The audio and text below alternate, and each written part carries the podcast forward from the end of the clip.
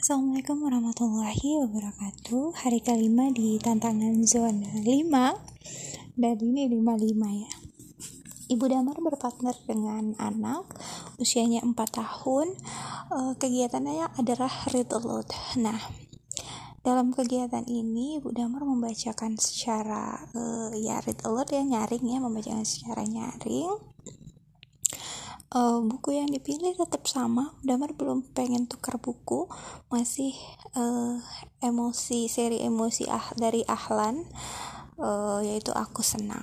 Nah tetap sama seperti sebelumnya. Walaupun dia walaupun Damar cuek mengerjakan aktivitas yang lain ibunya membacakan buku walaupun sudah berekspresi tapi tetap aja Damar punya kegiatan yang lain. Nah ketika poin ada satu poin yang uh, uh, dirasanya ingin dikomentari dia akan berkomentar dan dia suka berkata sebaliknya. Maksudnya uh, aku ucapkan terima kasih dan mendoakan ayah. Ada kata-katanya seperti itu karena sudah memberikan uh, anaknya kado kan dalam cerita itu. Dan Damar berkata yang sebaliknya. Kalau Damar dikasih kado Damar nggak mau ucapkan terima kasih dan nggak mau bilang uh, mendoakan kayak gitu katanya gitu. Nah di situ ibu Damar sih poinnya uh, cukup memberikan pemahaman saja tentang um, mengucapkan terima kasih itu baik dan mendoakan itu baik. Karena ketika terlalu dipaksakan untuk bilang harus bilang ini harus bilang itu malah damar tuh jadi nolak. Jadi santai aja. Gitu deh.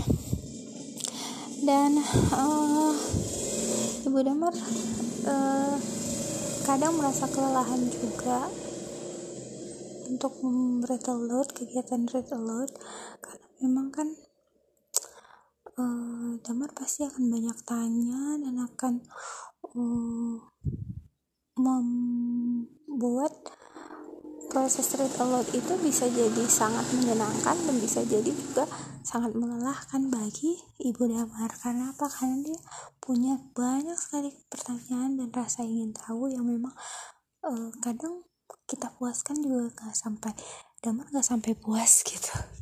Jadi memang um, ibu damar sendiri sih harus punya pemikiran yang positif tentang ini adalah fase tumbuh kembang damar yang wajib kita dukung dan kita maksimalkan.